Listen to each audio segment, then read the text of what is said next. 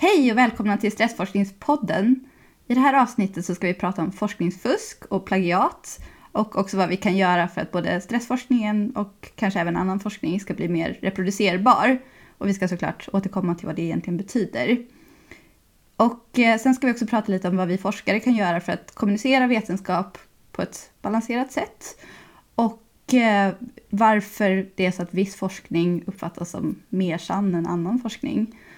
Och dagens forskargäster är Gustav Nilssonne som är forskare på Stressforskningsinstitutet och också på KI. Och Emma Frans som är forskare på KI också. Hej och välkomna båda två. Tackar, tackar. Och hej Mats. Hej Sandra. Och eh, som vanligt så har vi också med en kulturgäst som ska hjälpa oss att hitta nya ingångar för hur vi kan diskutera de här forskningsfrågorna. Och den här gången så är det Magnus Lindgren som är med. Och ni ska få höra honom improvisera musik på bland annat temat plagiat. Så välkommen Magnus! Hej! Kan du introducera dig själv? Ja, eh, jag ska försöka. Nej, men jag är musiker. Eh, brukar kalla mig för jazzmusiker. Eh, jag spelar saxofon, flöjt, klarinett och är kompositör och arrangör. Och har nu de senare åren också gjort ganska mycket dirigeringsgrejer då jag har skrivit för lite större ensembles och storband och symfoniorkestrar. Så att det är ungefär. Innan vi släpper lös Magnus på hans olika instrument så tänkte jag också bara börja med att fråga er, Emma och Gustav, vad är egentligen ett forskningsplagiat eller plagiat? Alltså, så som jag ser på det här med plagiat, just det här att man eh, bygger vidare på andra forskares fynd, det är ju en viktig del av den vetenskapliga metoden. Att man ska kunna bygga vidare på vad andra personer har gjort. Men eh, plagiat, där ger man ju på något sätt sken över, man tar det som någon annan har gjort och framställer det som om det vore eh, då en själv som är upphovspersonen bakom det här. Håller du med om den beskrivningen, Gustav? Precis så. Och eh, plagiat är ju då en typ av forskningsfusk. Förut var det inte så väldefinierat vad forskningsfusk egentligen är för något. Men i spåren av Macchiarini-skandalen så har vi nu fått en bestämmelse om att forskningsfusk består av plagiat, falsifiering och fabricering av forskningsdata. Alltså att man, man hittar på data eller man förfalskar data. Eller att man tar åt sig äran för någon, någonting som någon annan har gjort genom plagiat. Just det. Den eh, första uppgiften som vi gav till Magnus var att han skulle improvisera på ett av musikhistoriens kanske mest klassiska teman, nämligen tonföljden B-A-C-H. Eh, och det här är ett tema som då tonsättaren Johann Sebastian Bach själv använde i flera av sina verk. Och eh, man kan väl se det lite grann som hans signatur, eh, eller hans stämpel på, på eh, i musiken. Men sen så har också en rad olika tonsättare och musiker använt det här temat som en slags hyllning till Bach. Och eh, vi bad Magnus att göra en improvisation på det här temat som vi ska lyssna på. Eh, och sen ska vi be er svara på vad ni tycker om, om det här i termer av plagiat. Mm.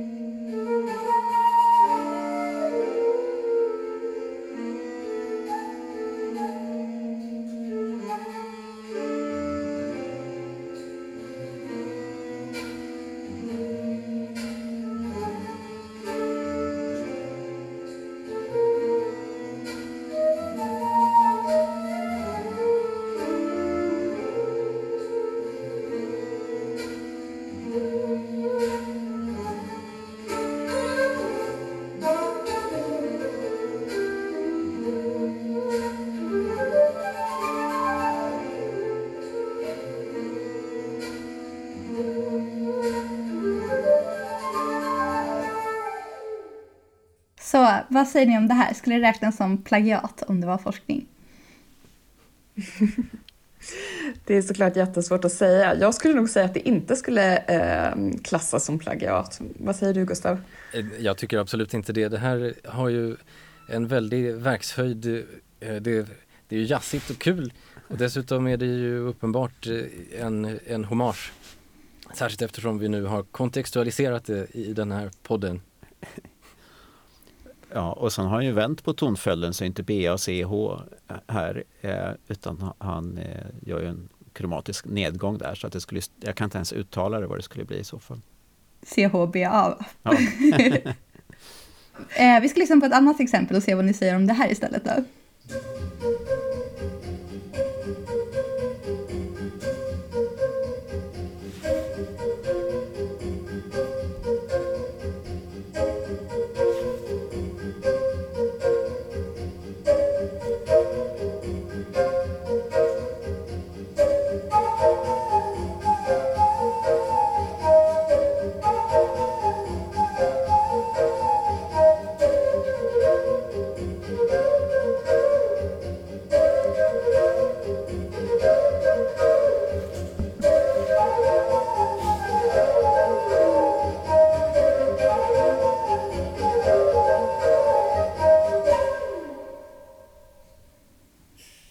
Ja, det här var ju då um, Billie Jean Billie från Jean, just ja. den här uh, Mike Jackson Thriller.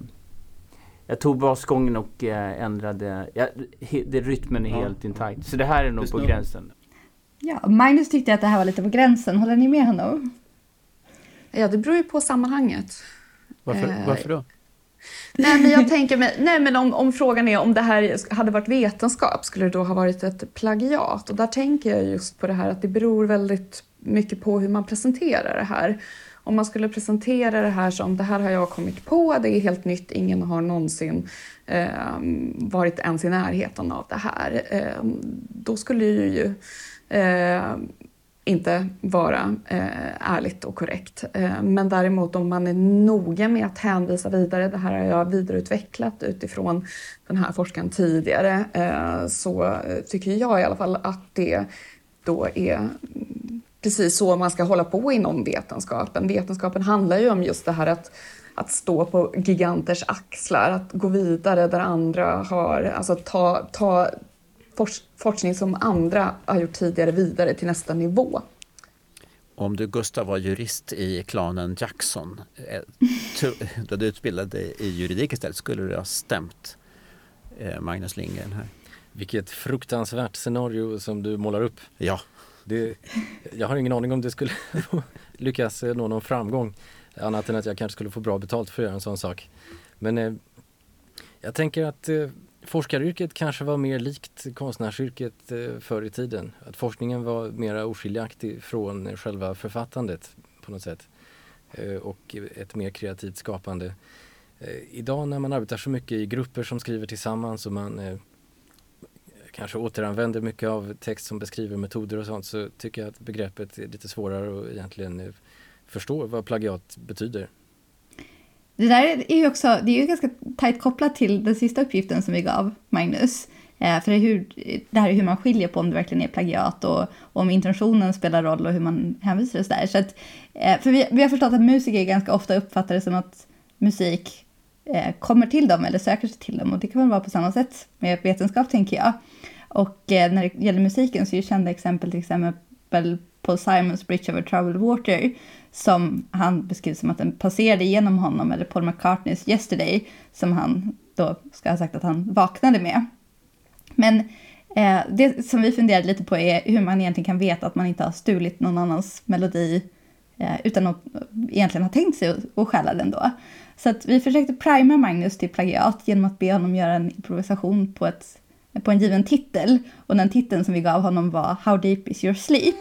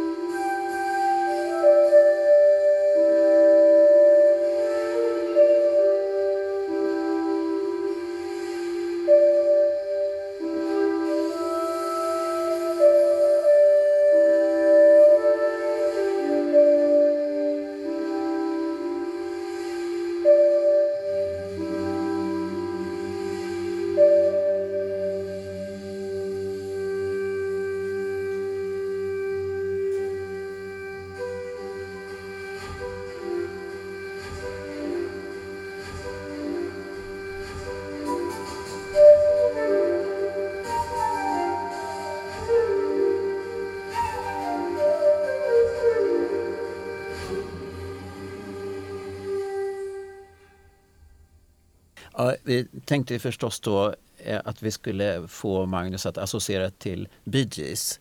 How deep is your love? Det tyckte Sandra och jag tror jag båda var uppenbart men det fanns ju mm. andra associationer och här försökte då Magnus illustrera sina sömnstadier. Eh, Gustav, du är ju sömnforskare också. Du hörde väl eh, REM-sömnen i slutet? Det var precis vad jag tänkte på. när, man, när man försöker mäta sömn så sätter man elektroder på huvudet på folk och sen Eh, mäter man vad det är för frekvenser i den elektriska aktiviteten. Och så kan man få ett, en bild, ett hypnogram som visar de olika sömnstadierna och precis så tyckte jag att den här musiken var utformad. Ja, ja nej, men verkligen. Det var jag hade också mycket tankar när jag lyssnade på det som, som ju också är sömnforskare. Eh, men vi ska prata mer om det här med, med olika typer av forskningsfusk. För Gustav, du var ju inne på det redan i början att plagiat bara är en typ av, av forskningsfusk. Och du gav lite exempel på annat som, som definieras eh, som det. Kan du ge några mer konkreta exempel på vad, vad de här andra typerna av forskningsfusk egentligen innebär? Ja, det kan vara så att en forskare sätter sig i, i källaren och hittar på ett datasätt helt och hållet. Eh, fabricering av data. Eller så kan det vara så att man snyggar till sina data så att de ska kunna visa det resultat som man hade hoppats på.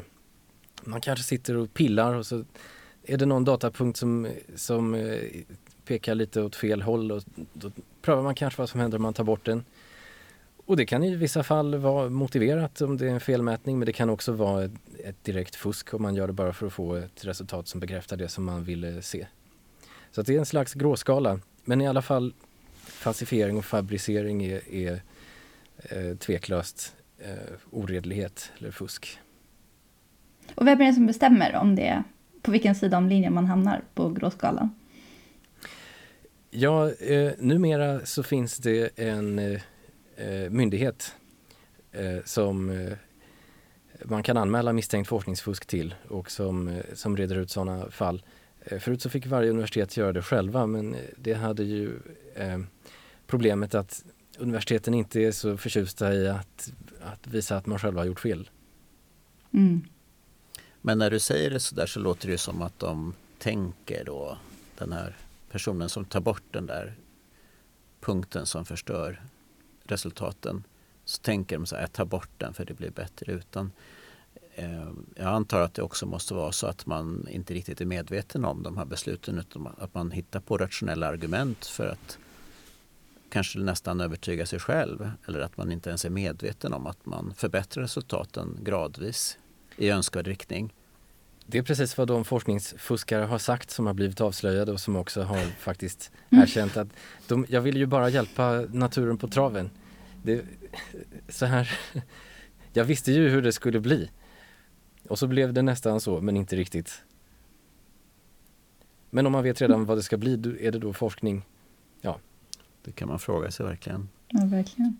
Jag tänker på en annan aspekt, eh, det får du gärna kommentera på också Gustav, just det här med, med p-hacking. Alltså, eh, det är ju också ett sätt att gömma undan vissa resultat. Inte bara det att man tar bort observationer som inte kanske passar in i sitt data, men också det där att man gör jättemånga test eh, så att man till slut får statistiskt signifikanta resultat och sen justerar man inte för antalet test och istället plockar bort dem som inte visade någonting, vilket ju också då innebär att man manipulerar statistiken eh, på ett sätt som också gör att man får då eh, hög risk för falska positiva resultat. Och p-hacking, kan du förklara det själva uttrycket? Ja, att man försöker då just den här nå signifikansnivå, att man, har, eh, att man försöker få eh, resultat där man har ett p-värde på under 0,05. Precis, av någon anledning så har det blivit en utbredd uppfattning att man måste ha ett p-värde under 0,05 för att kunna publicera en artikel och bygga upp ett narrativ om att man har lyckats leda någonting i bevis. Och det här gör ju att många eh, utforskar rymden av möjliga analyser till dess man får ett p-värde under 0,05. Och, och, det tror jag också återigen att man delvis inte kan komma undan. Man måste delvis utforska sitt datasätt för att se vilka antaganden som stämmer när man gör sina modeller och så. Men om man, om man utforskar helt utan, eh, utan kontroll, utan att justera som du säger, ja då kan man ju till slut alltid hitta någonting som på grund av slumpen blir statistiskt signifikant. Och det här tror jag är väldigt vanligt. Och det, eh, eh, det har nog eh, de flesta forskare frågat sig om det är det man håller på med. Eller i alla fall har jag många gånger gjort det. Jag tycker att det har ändrat sig väldigt mycket på senare år. Det har skett en väldigt kraftig utveckling där man försöker hålla sådana här tendenser i schack. Och jag tänker väl lite grann att det här med att man eh, lite slumpmässigt har bestämt sig för ett visst p-värde, att man liksom accepterar en, en viss risknivå för att kunna lita på ett samband. Också är ett försök att hålla de här impulserna, att medvetet eller omedvetet kanske faktiskt eh, bara tycka till som man själv anser att eh, resultaten ska tolkas som. Jag menar, de här redskapen vi har i vetenskapen eh, med statistik och sannolikhets och riskbedömningar och så vidare, de finns väl där lite grann. För att om vi inte hade dem då skulle vi bara eh, nästan se det vi tror att vi ska se och letar efter. Så det, det finns ju någonting sunt också med att ha en, bestämma sig lite, lite så pragmatiskt. Vi, vi säger 5% risknivå.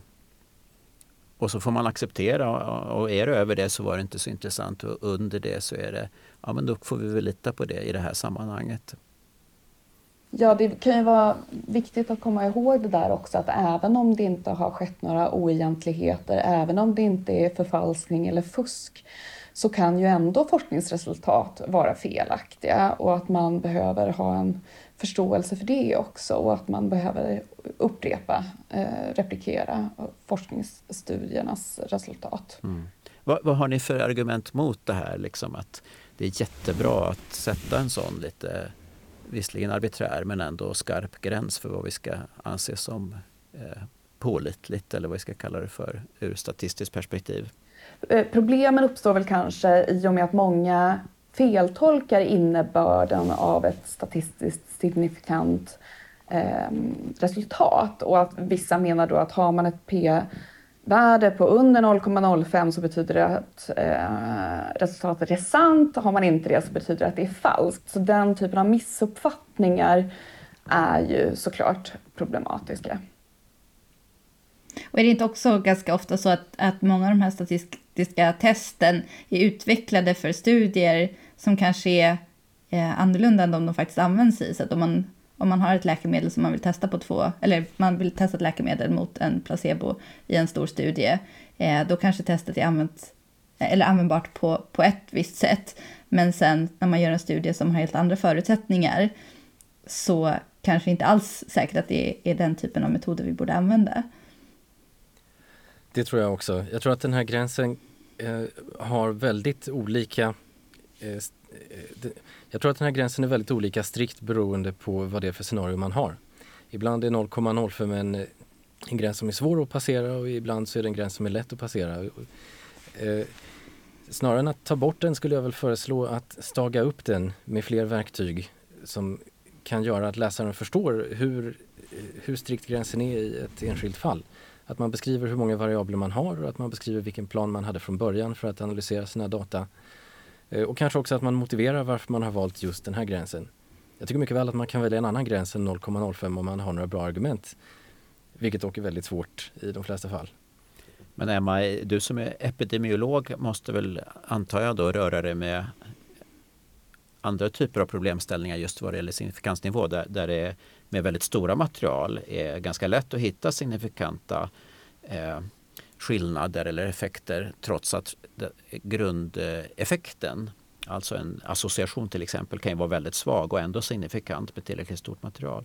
Ja, och vi använder ju kanske inte som regel heller just alltså enbart p-värdet utan vi tittar ju mycket på konfidensintervall också och det ger ju en bild både kring huruvida, eh, hur, hur liksom, huruvida resultatet är, signif är statistiskt signifikant eller inte men att man också får en känsla över hur pass säker den här, liksom, eh, ja, hur pass säkert resultatet är och hur stor osäkerheten är kring vår, till exempel vår effektstorlek. Just det, men och det här är en podd som handlar om stressforskning. Så Eh, har ni några exempel, och det här kanske är mest riktat till Gustav då, som är inne i stressforskningsvärlden. några exempel på fynd eller studier som, som har varit direkt eh, felaktiga. Direkt, alltså, och, och då tänker jag på just att det ska ha varit ett medvetet forskningsfusk eller påhittade eller sådär, falska resultat.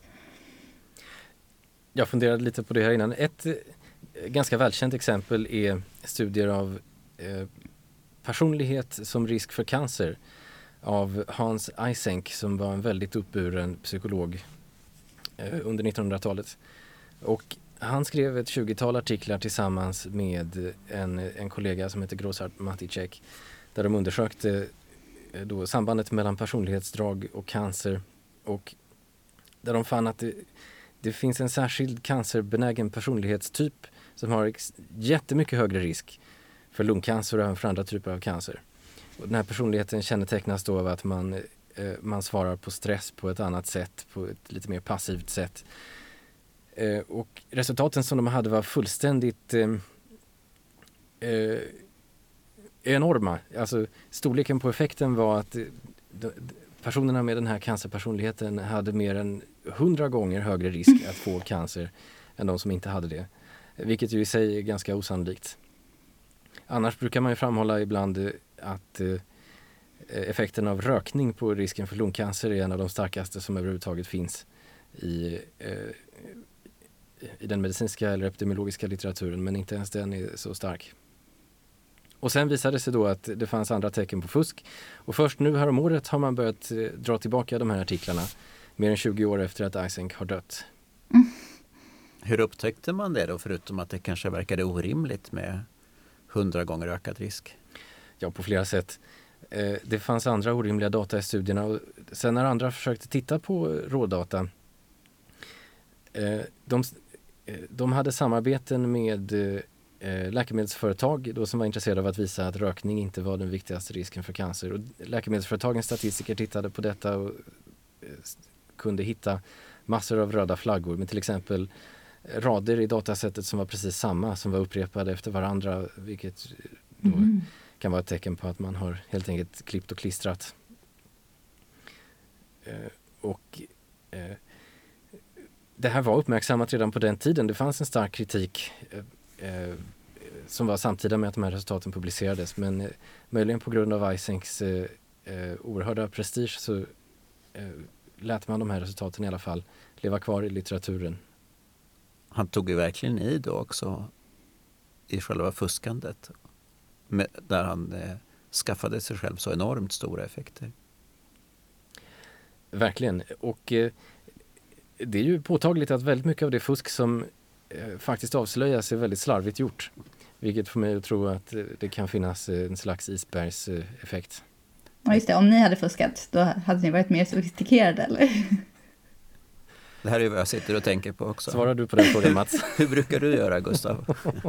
När du vill få till en effekt? Ja, jag, hade en, jag hade en slags eh, eh, allvarlig aha-upplevelse och skrämselkänsla första gången när jag som doktorand insåg att här sitter jag med mitt datasätt och det är ingen annan som kommer att granska det här. Jag skulle kunna skriva vad som helst i, i det här dataarket. Mm. Ja, men jag, jag kommer också ihåg sådana känslor. Jag försökte hålla mig liksom distanserad till mina data när jag var doktorand. Och jag, jag såg det lite som en dygd så att jag inte försökte vara lojal med att det skulle bli ett, ett resultat av ett visst slag. Men det var ju ändå svårt att inte till exempel som en del sa att man skulle, man skulle liksom berätta en historia. Så det beror på vilken historia man vill berätta i artikeln. Och det är en väldigt farlig väg att gå tycker jag. Att man på något sätt skaffar sina resultat och efter det så skriver man introduktionen och syftet med studien och beskriver en väg som är anpassad efter resultatet man fick då snarare än att man beskriver vad man verkligen var ute efter. Precis, ändå tror jag att det är så många får lära sig att det ska gå till och eh, delvis var det nog det som jag fick lära mig som doktorand också. Mm. Och i viss mån tycker jag att det är implicit i, i hela vår vetenskapliga kommunikation, att man ska ha en artikel och därför måste den berätta någonting. Mm. Det måste liksom finnas ett narrativ.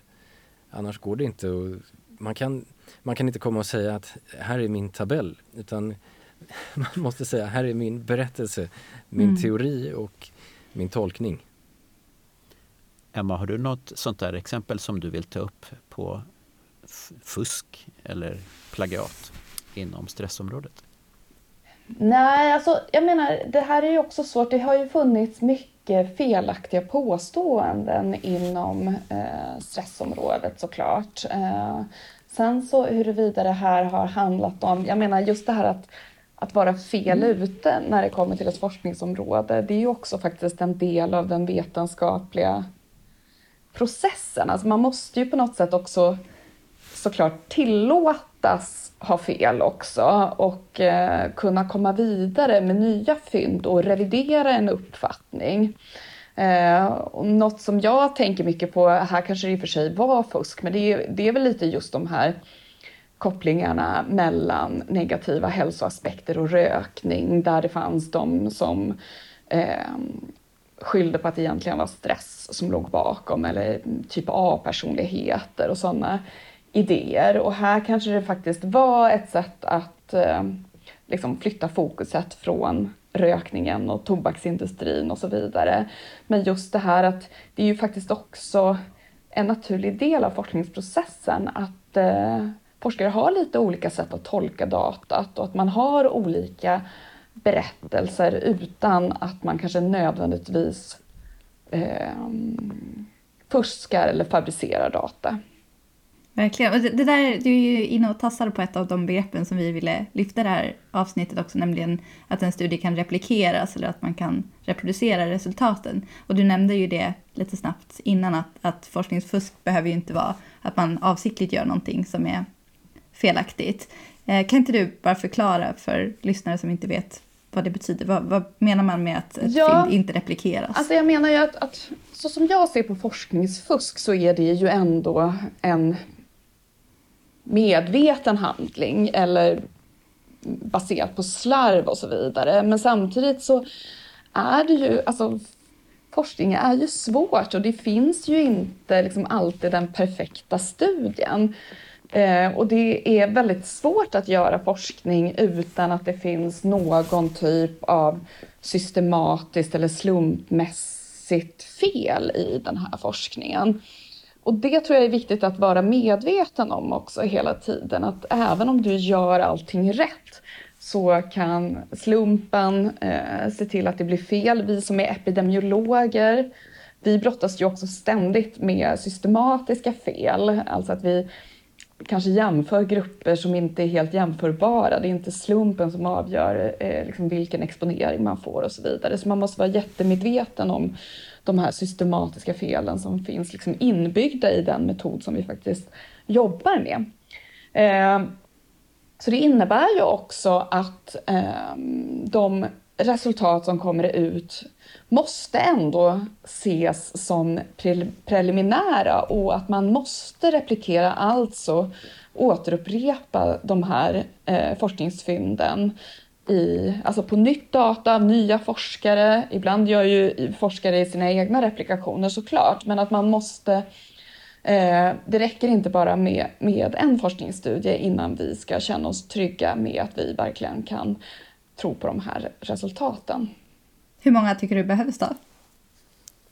Det beror ju helt på, ja, men det beror ju helt på vilken typ av, av studie man har från början. Gör man jättehögkvalitativa forskningsstudier, gör man randomiserade prövningar som är väldigt omfattande eh, så det är klart att man kanske inte behöver replikera de här fynden lika mycket som man behöver om det då kanske eh, mer liksom systematiska bias, eh, alltså systematiska fel eh, inbyggda i metoden och om det är ett, ett eh, mindre antal personer. Så det är svårt att liksom säga exakt hur många gånger man mm. måste replikera någonting, men jag tycker ju att det är jätteviktigt också att man förstår det. En del av den vetenskapliga processen är ju att vi inte pratar om absoluta sanningar, utan vi pratar om evidens och att man har olika starka evidens för sin hypotes. Eh, och att man liksom, även när man kan känna sig ganska säker på någonting, att man ändå har en ödmjukhet inför att det kan uppstå liksom så kallade paradigmskiften och rätt vad det är så får man omvärdera det man eh, tidigare trott för att det kommer, tillkommer nya belägg eh, som sätter det som man tidigare trodde ett helt nytt ljus. Och det är väl det lite som är konsten för oss forskare, att vara ödmjuka inför det preliminära eh, i våra fynd. Och visserligen yeah. lita på den vetenskapliga metoden men att eh, också hela tiden påminna sig om att i den metoden ingår att man med nya data, ny evidens då får faktiskt ompröva gamla sanningar. Men vi vet ju också att det, att det är inte så kul att släppa gamla favoritidéer. Och vi, vi, måste då hjälpa varandra i att vara öppna inför det här och framföra kritik på rätt sätt och inte minst, tycker jag, i forskarutbildningen eh, hjälpa studenterna att, att inte eh, bli för förtjusta i sina fynd utan se det lite som preliminärt. Och jag tycker att, att man, apropå den här frågan om eh, klassiska fynd som inte har replikerats så tänker jag på såna gamla sanningar som kan leva kvar ett, eh, som är stressrelaterade till exempel i, i den psykosomatiska modellen. Och den ekar fortfarande i vården tycker jag. Och där är ju tanken att det inte är att inte stress är någon slags delfaktor som kan eller ibland inte kan påverka en, en sjukdomsprocess eller någonting utan att det är att vissa sjukdomstillstånd är i sig då eh, orsakade av stressreaktioner. Och mm. eh, eh, jag, jag, fick nämligen lära mig, på, jag tänker nu på att jag på docenturkursen på KI fick lära mig att andnöd, det är alltid undertryckt gråt. och då var det visst en lärare i någon slags eh, kroppsspråk och kroppskommunikation som föreläste om det här. Men idén kom ju från eh, gamla idéer om att eh, astma till exempel då är en psykosomatisk sjukdom och det är mm. intrapsykiska konflikter och separationsångest. Det, var ju en ganska väletablerad modell en gång i tiden. Jag tycker det ekar fortfarande, inte minst i vården faktiskt, av den här gamla förklaringsmodellen. Vilka fynd tror ni att man kommer skratta åt på samma sätt om, om 50 år? Som vi har nu. Bra fråga Sandra. Man kan ju hoppas att det går att eh, skratta eller möjligen förfasas över att vi hade en så svagt utvecklad tradition av att pröva olika saker. Jag har tänkt på det mycket under pandemin. Det hade varit fantastiskt om man i ett tidigt skede hade gjort några ordentliga experiment med alla de inskränkningar och icke-farmakologiska åtgärder som har prövats runt om i världen men helt osystematiskt. Så hade vi ganska snabbt kunnat veta om det fungerar eller inte. Att till exempel begära att man ska ha Eh, munskydd i kollektivtrafiken eller att hålla barnen hemma från skolan. Eh, om det hade funnits en beredskap att på en samhällelig nivå experimentera med detta så hade man ju eh, sluppit all den här osäkerheten som vi fortfarande lever med. Där leder oss ganska osökt in på nästa del som vi tänkte prata om, nämligen det här med hur man kommunicerar vetenskap på ett bra sätt, inte minst till allmänheten. Och eh, ett av syftena med den här podden har ju faktiskt varit att vi vill försöka bättra på hur just stressforskning kan kommuniceras på ett mer kanske balanserat sätt från oss forskare. Eh, och eh, Emma, du har ju varit i centrum kring det här med forskningskommunikation till allmänheten och inte minst nu i samband med pandemin och sådär. Ehm, så vad tänker du att man kan göra för att bli bättre på att just kommunicera fynd som kanske är osäkra eller om det finns en massa olika faktorer? Alltså det är ju en jättesvår utmaning det här. Ehm, och där finns det ju såklart att, att göra saker, att förenkla saker. Ehm, det är ju någonting som gör att fler personer kommer ta till sig det här. Ehm, samtidigt så innebär ju det också att förenklar man för mycket så försvinner ju också de här nyanserna. Och det tycker jag ju är ett misstag som man har sett under pandemin också. Ehm, det har ju varit väldigt stor ovisshet eh, kring de här frågorna. Och man har kanske varit lite väl tvärsäker ibland när man har gjort uttalanden kring ja, men frågor kring flockimmunitet eller eh, hur omfattande andra vågen och så vidare kommer vara. Och just nu lever vi i det här stora informationssamhället där allting finns kvar, också all information stannar kvar. Så att många av de här personerna som gjorde uttalanden tidigt under pandemin har ett halvår senare blivit konfronterade med att de hade fel, eh, vilket gör då att det uppstår liksom en sorts förtroendekris. Trots att vi som kanske då är forskare, vi är ju medvetna om hur liksom läget successivt förändras. Och det man har gjort under den här pandemin det är ju att allmänheten har följt forskningens utveckling i realtid. Där man då initialt vet väldigt lite och stegvis bygger upp den här kunskapen. Ehm, och där det då tidigt liksom inte finns några tvärsäkra svar. Och där är det här en stor utmaning att dels vara transparent med eh, de ovissheter som finns, osäkerheten som finns, men samtidigt våga ge ett svar. För annars är alternativet att man går till då alternativa informationskällor, alltså de som sprider ren desinformation och som är väldigt tvärsäkra på att man liksom botar covid-19 med blekmedel eller att man bekämpar stress med att, eh, ja vad kan det vara? Kristaller eh, kanske? Eller? Kristaller till exempel, ja. eller, ja, precis, eller gå till en spådam eller ja. något sånt där.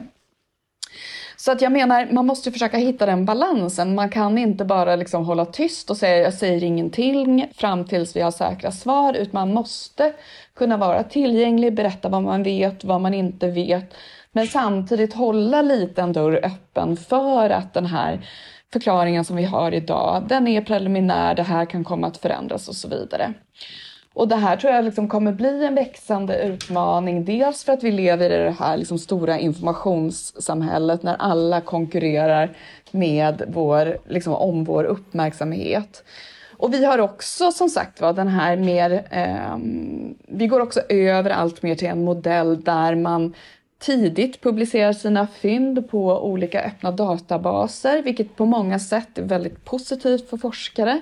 Det här är någonting som jag vet att eh, Gustav också är väldigt eh, insatt och engagerad i. Men det har ju hänt nu också under pandemin att eh, preliminära fynd, alltså så kallade preprints, eh, rapporter, resultat som ännu inte har blivit granskade, publiceras på databaser och når ut till journalister eller en väldigt nyfiken allmänhet.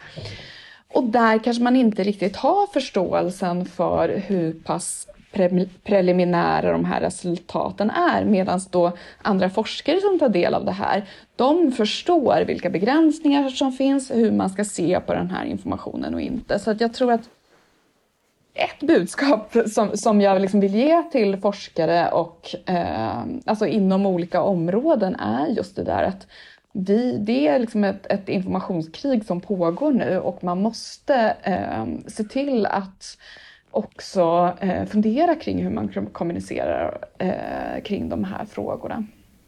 Är det extra svårt tror du med, med sådana områden som stressforskning där det är på något sätt många, eh, många faktorer som är svåra att mäta objektivt eller vad man ska säga om, om huruvida någon dör i covid-19 eller inte. Eh, där finns det liksom ett, ett svar som är antingen ja eller nej men huruvida man är stressad. Där använder vi ju skattningsformulär och så. Tror du att, att det har en inverkan på hur Ehm, hur lätt eller svårt det är att, att nyansera. Ja, så kan det säkert vara också. Just själva begreppet stress är ju också väldigt brett, tänker jag. Där det är liksom allt från väldigt allvarliga diagnoser som påverkar människor extremt negativt till annan typ av stress som kanske mer handlar om att man får ett liksom, eh, sorts påslag när man ska göra någonting som känns lite nervöst och pirrigt. Eh, och just den här Eh, sammanblandningen av de här olika begreppen kan ju också kanske vara lite problematisk där man då eh, vissa till och med säger att ja, men, stress är bara bra eller stress är bara dåligt och sådär eh, och att det kan bidra till den här eh, förvirringen. Verkligen och det är också tror jag eh, ett allmänt problem med faktorer som är upplevelsenära. Då blir var och en sin egen expert och formar starka åsikter. Eh, om man jämför med en, en död i, med eller i covid-19 så är det ganska stor skillnad mot någonting som är upplevelsebaserat. Och mitt intryck är att eh, eh, psykiatriska tillstånd eh, har folk extremt starka åsikter om, alltså hur de ska behandlas och så. Men jag uppfattar det som nästan ännu värre inom stressområdet. Och jag tror också som du är att det är, i och med att det är ett paraplybegrepp och att man ofta inte eh, är specifik med vad man menar om det är stimulit eller responsen eller ett tillstånd, om det är långt, kort och så vidare, gör att det blir ännu lättare att påstå saker. Så att vi, det är många experter som eh, vi konkurrerar med, om man uttrycker det så. Gustav, vill du kanske hålla ett litet brandtal om de här preprinsen? Jag anade att eh, Emma inte var odelat positiv, men eh, vad tycker du om det i sammanhanget? Jag är glad att du frågar. Det finns ju, det finns ju många skäl till att eh, man eh, kan välkomna publicering med preprints tycker jag. Det är snabbt, man kan direkt få ut ett vetenskapligt resultat. Forskaren får själv stå för det och eh, Eh, kan inte gömma sig bakom en eh, tidskriftsredaktör eller en, en granskningsprocess. Eh, och det är ett sätt att komma runt den, de vetenskapliga tidskrifternas eh, fullständiga kontroll över hela vår vetenskapliga kommunikation som ju har, har välkända problem, inte minst att de har betalväggar som gör att man måste ha väldigt dyra prenumerationsavtal för att kunna läsa. Det gör i praktiken att vi får ett slags elfenbenstorn där bara forskare på universiteten eh, har kunnat ta del av den vetenskapliga utvecklingen. Något som man egentligen skulle vilja att alla kan. Eh, allmänheten, praktiserande läkare ute på sjukhus och vårdcentraler överallt i Sverige och i världen och så vidare. Så att jag tycker framförallt att det här handlar om eh, att, eh, eh att släppa den vetenskapliga kommunikationen fri och göra den tillgänglig för alla. Sen finns det ju exempel som Emma har varit inne på, på att eh, vissa preprints eh, har eh, både eh, haft fel och lyfts fram i, i medierna på ett sätt som, som har lett till negativa konsekvenser. Det var ett preprint som kom ut ganska tidigt under pandemin som visade att rökning skyddar mot covid-19 och som ledde till en kraftigt ökad försäljning av cigaretter i vissa delar av världen, vilket är fruktansvärt ur ett folkhälsoperspektiv. Men då får man ju jämföra med eh, vad som har kommit ut i de vanliga tidskrifterna, till exempel med eh, behandling av covid-19 med eh, eh hydroxyklorokin och Ivermectin som har visat sig inte fungera. Och som ju då gick den vanliga vägen genom tidskrifterna och genom en kvalitetsgranskning som inte alls höll måttet. Just det, det låter ju också deppigt. Så att, finns det något alternativ som är bra då? Ja, jag skulle vilja att man experimenterade mycket mer med eh, transparenta och systematiska kvalitetskontrollprocesser. Eh, istället för att låta det vara några granskare som ingen vet vem det är och ingen vet vad de har sagt när en artikel väl är publicerad. Eh, som får vara hela garanten eh, tillsammans då med en redaktör som, eh, som man inte alltid heller vet vem det är eller vad, de har för, vad den har för relation till de som har skrivit artikeln. Eh, så att jag skulle vilja se någon slags mycket mer systematisk metod där man kan se vad som är bedömt i ett vetenskapligt bidrag och vad resultatet blev. Bra, tack snälla ni bara punkter där jag tror att vi har hamnat snett och där vi skulle kunna hjälpa eh, blivande forskare och samhället att använda ny kunskap på rätt sätt. Vad, vad, vad kan vi göra?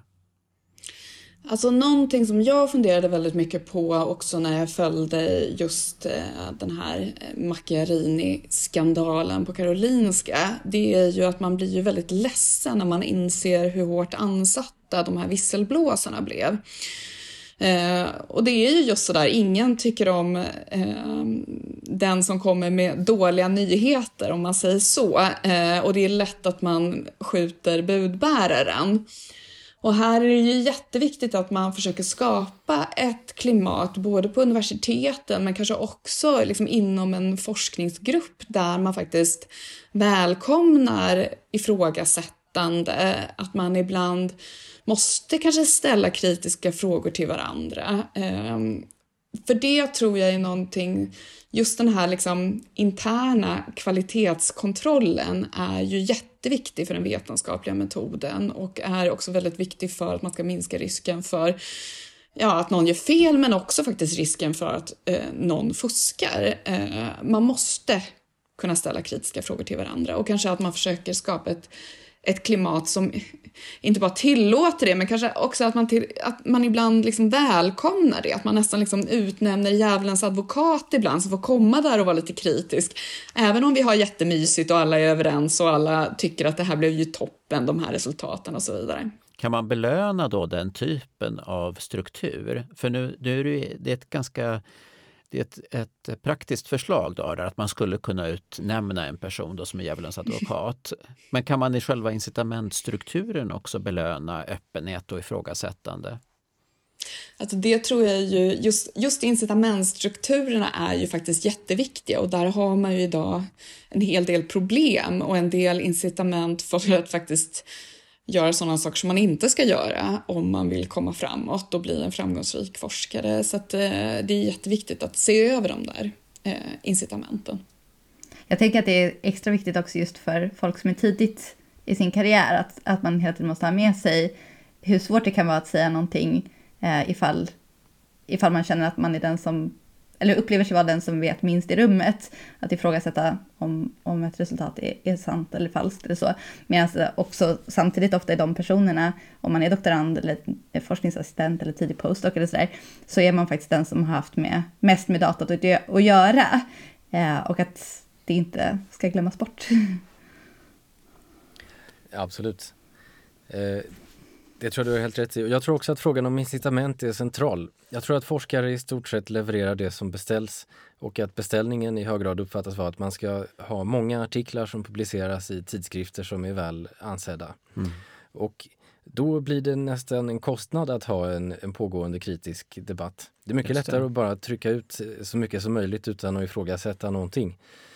Eh, och jag skulle gärna vilja se att man försökte utveckla incitamentsystemen så att man kunde värdesätta mer av sådana praktiker som att dela sina data öppet, att registrera sina studier på förhand eh, och liknande öppna forskningspraktiker som gör att, att forskningen blir mer transparent och därmed förhoppningsvis mer reproducerbar. Och det du säger det är egentligen då att det går sämre för en forskargrupp om man har ett alltför öppet klimat. Alltså om man tänker på om beställningen uppfattas som att man ska producera många artiklar i viss typ av tidskrifter och så vidare. Ja, det blir en kostnad. Personligen så tror jag att det är värt att investera i det och att det kommer att visa sig på sikt att det lönar sig. Ja, jag säger inte emot. Men det finns en risk i, det, i det här, det här, den kulturen med många, många publikationer. Det, och jag blir alltid generad när en forskare presenteras med att den har 625 eller 1000 eller vad det nu är för antal publikationer. Så känner jag bara så här, nej, säg inte det. Det är inte, det är inte nödvändigtvis ett kvalitets, en kvalitetsstämpel som kommer med den typen av påståenden. Jag tänkte att vi ska börja avrunda och eh, därför så vill jag tacka dig Emma för att du var här och pratade med oss och dig Gustav för att du var med i podden. Och eh, som vanligt tack Mats också. Eh, och vi hörs framöver i nästa avsnitt.